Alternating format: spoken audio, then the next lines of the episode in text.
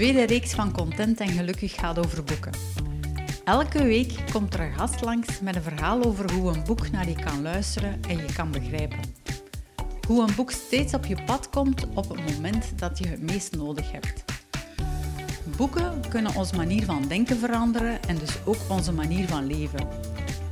Laat je inspireren door mensen, verhalen en boeken.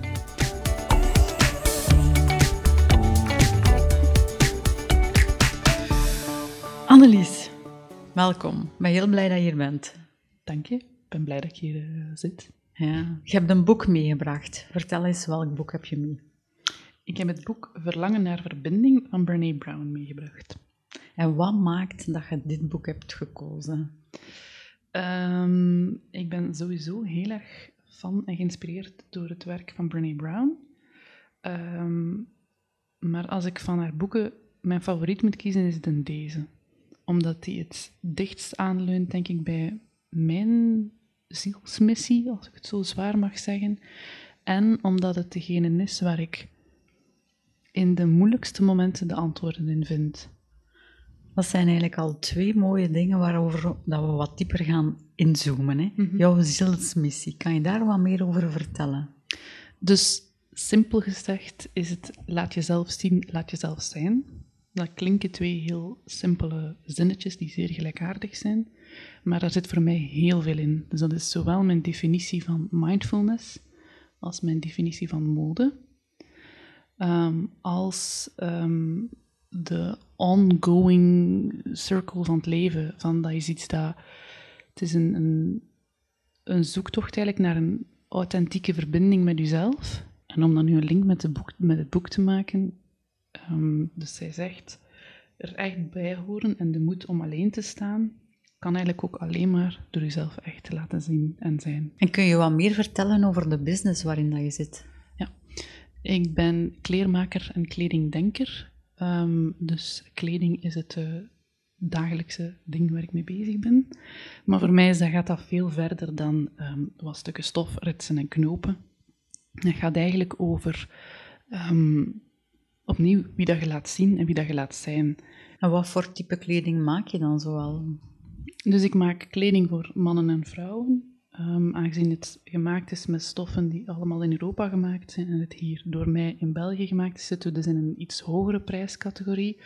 Um, dus dat wil zeggen dat ik winterjassen maak, ik maak trouwkleren, ik maak kostuums, ik maak broeken, ik maak uh, hemden. Um, maar ik heb wel mijn eigen stijl, dus, dus als je zo'n klassiek wit hemd zoekt op maat, dan ga ik je doorverwijzen naar iemand anders. Um, mijn, mijn werk gaat net iets verder. Ik ga echt zoeken naar een stuk dat u in zijn waarde zet. En dat u, eigenlijk daar ga ik gaan zoeken, wat wilt jij laten zien en wat wilt jij laten zijn. Um, bij mijn klanten ga ik daar naar op zoek. Dus je kunt, zowel mannen als vrouwen kunnen voor bij mij alles terecht, maar je weet dat je een spiegel ook krijgt. Ja, en wat zie je dan vaak in de spiegel gebeuren bij de klanten? En wel, het is eigenlijk zo dat ik bij Brené Brown terechtgekomen ben. Dus ik werk nu al 18 jaar met klanten. En een van de meest frappante dingen dat mij opviel bij spiegelmomenten, dat zijn heel intieme momenten. Meestal staat een klant in zijn ondergoed of met heel weinig kleding aan. Die kleding is, is half af. Um, dus dat is een heel um, kwetsbaar moment. Ja, letterlijk en figuurlijk half ja. naakt. Ja. En um, op zo'n moment merk ik heel vaak dat mensen eigenlijk totaal niet in de spiegel kunnen kijken.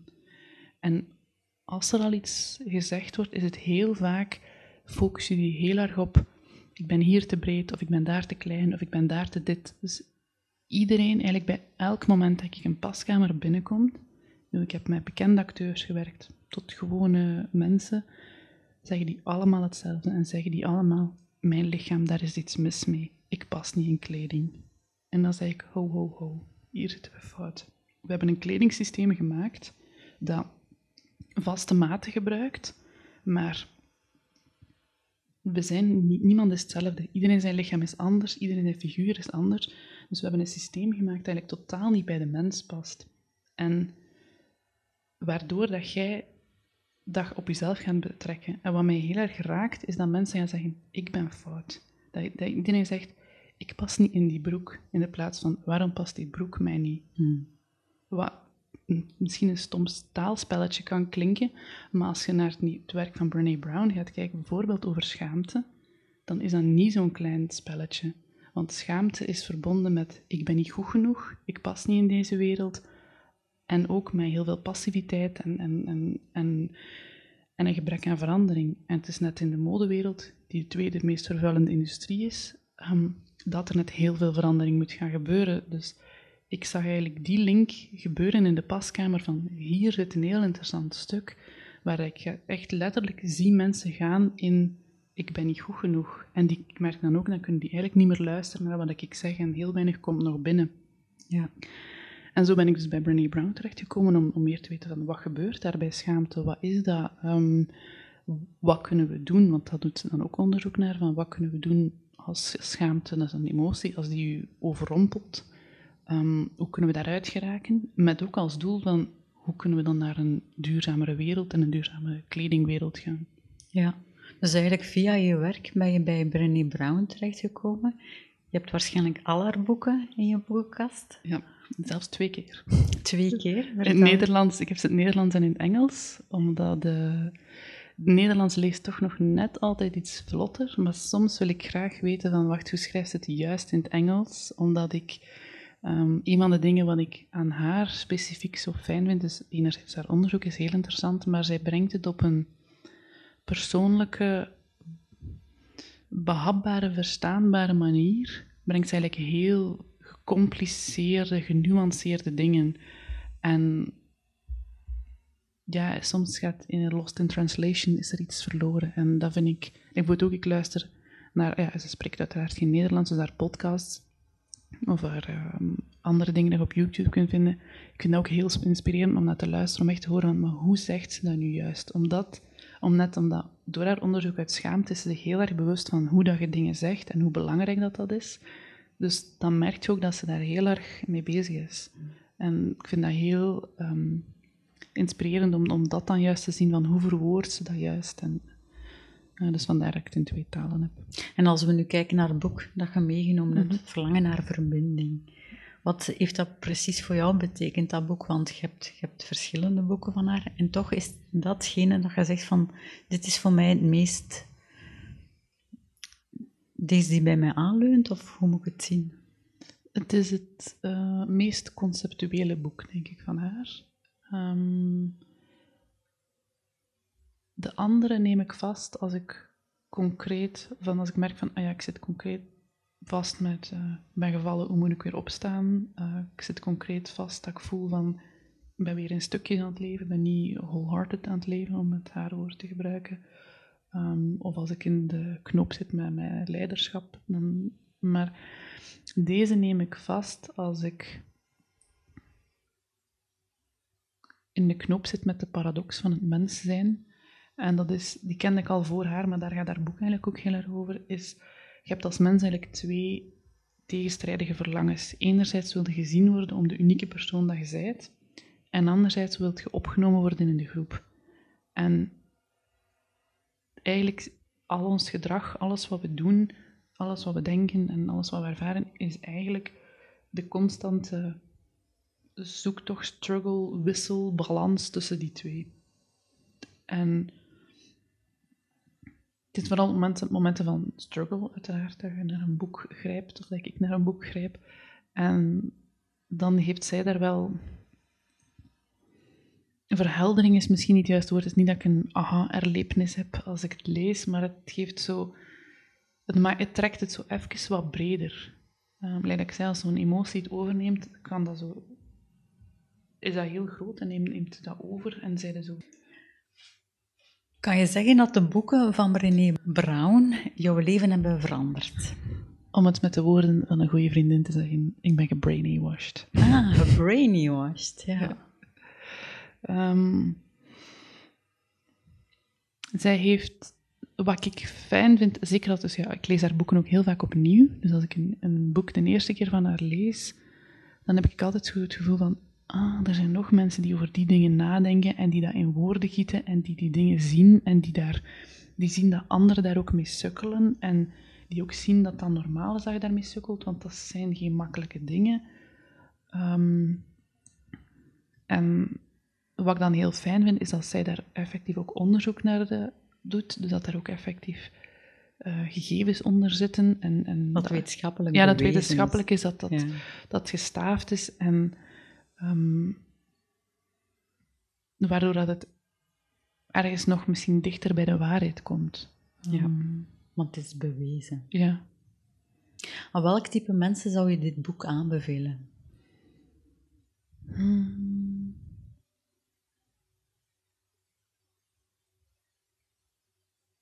Aan mensen die de hapklare, die, wacht, de eerste fase is zo de hapklare um, zelfhulpboeken. Dan de tweede fase is zo de iets meer conceptuele, hapklare zelfhulpboeken. En dan de fase daarboven. Als, als die twee u, bieden, dan... Wat heb je er zelf uit geleerd uit die boeken?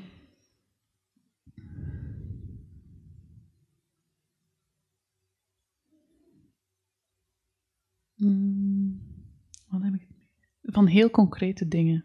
Dat is dan niet uit dit boek, maar ehm, eh, de zin, het verhaal dat ik mijzelf vertel.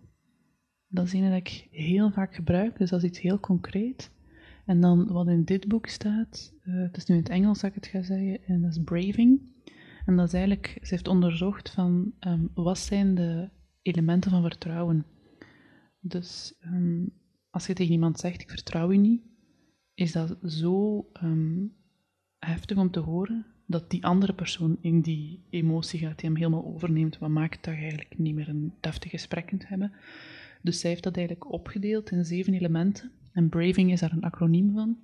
Dus dat is Boundaries, Reliability, Accountability, uh, Vault, Integrity, Non-Judgment en Generosity. En mij helpt dat als ik voel van dat ik een soort van afkeer of een afstand voel met iemand, om dan even die zeven te gaan checken van waar zit het fout? Waar, um, waar loopt iets fout? Waar, waar, waar zit het lastig? En dan de volgende vraag, heeft dat zin om dat te communiceren? Of is dat iets van mij? Heb ik hier iets aan? Um, hoe is onze relatie? Hoe wil ik verder met onze relatie? En dan in functie daarvan ook, heeft het zin om het gesprek aan te gaan met die ander of niet? Um, dat is iets dat ik dat ik heel sterk vind, omdat hij ook gewoon, ja, inderdaad, als je zegt tegen iemand, ik vertrouw je niet, dan, dat, dat is, ja, dat kunnen mensen niet horen. Omgekeerd zou ik dat ook heel pijnlijk vinden om te horen. Ehm, als je geen vertrouwen hebt, heb je geen basis, hè? Nee. nee. En omgekeerd gebruik ik die ook om, om vertrouwen op te bouwen met mezelf en met anderen, om, om, die, om daar om in lijn te zijn met al die ehm, al die zeven punten.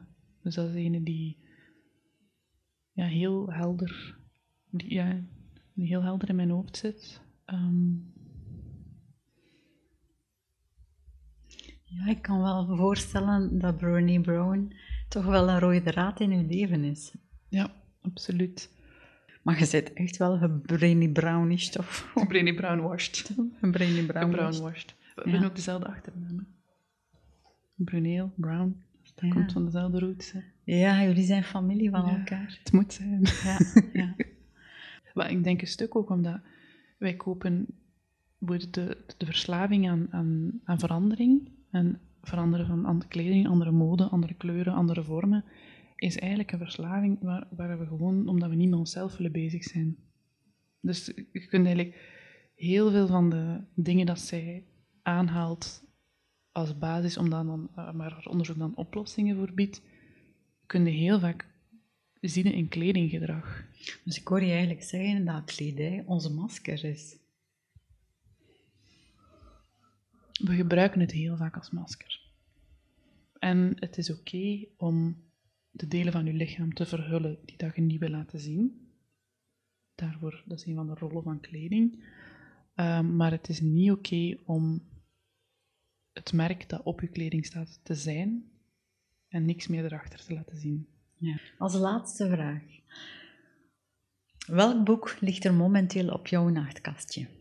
een hele collectie. Moet ik denken wat lichter.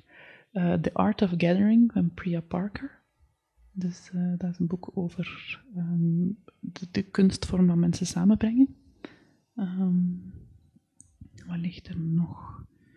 Ik ben al heel lang bezig in Jordan Peterson zijn 12 Rules Against Chaos. Ik ben er nog niet uit wat ik erover denk, um, maar ik haal er soms iets uit en soms niet. Dan uh, de bibliotheek van de walvis. Dat is een stripverhaal van een Brussels um, illustratrice. Een heel mooi verhaal, heel mooie tekeningen. Um, Untamed van Glennon Doyle. Um, een boek over hoe dat wij eigenlijk, vooral als vrouw dan, maar ik denk dat je het eigenlijk gewoon kunt opentrekken als door de maatschappij getemd worden tot tot een bepaald um, ratje in het, in het wieletje.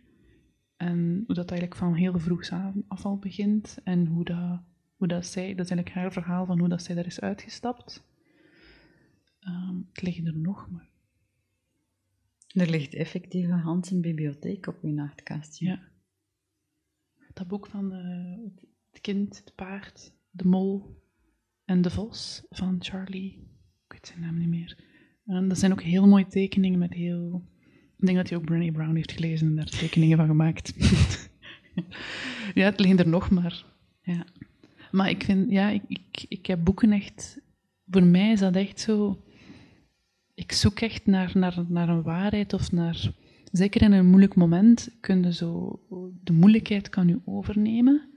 En ik probeer dan... Boeken zijn voor mij dan echt zo een houvast om op zoek te gaan naar, naar de waarheid. En niet, te, niet met te verliezen in de emotie of in de gedachten of in, of in weg te lopen van, van de gedachten en de emotie.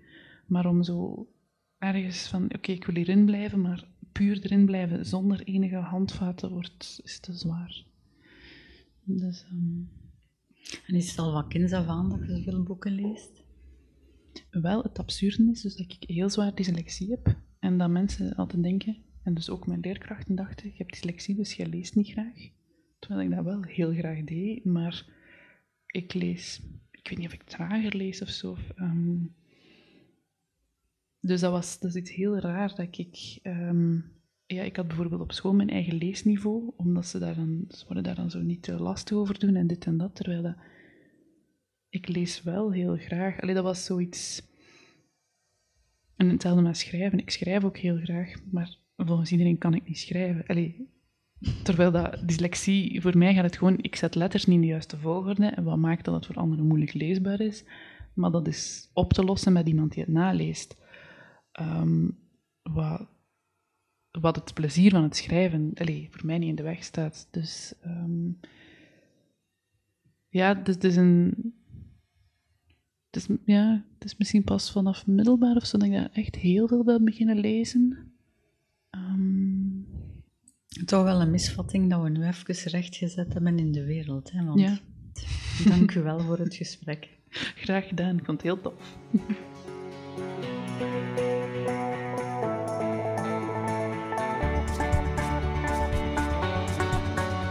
Ben jij ook nieuwsgierig naar verhalen van andere mensen?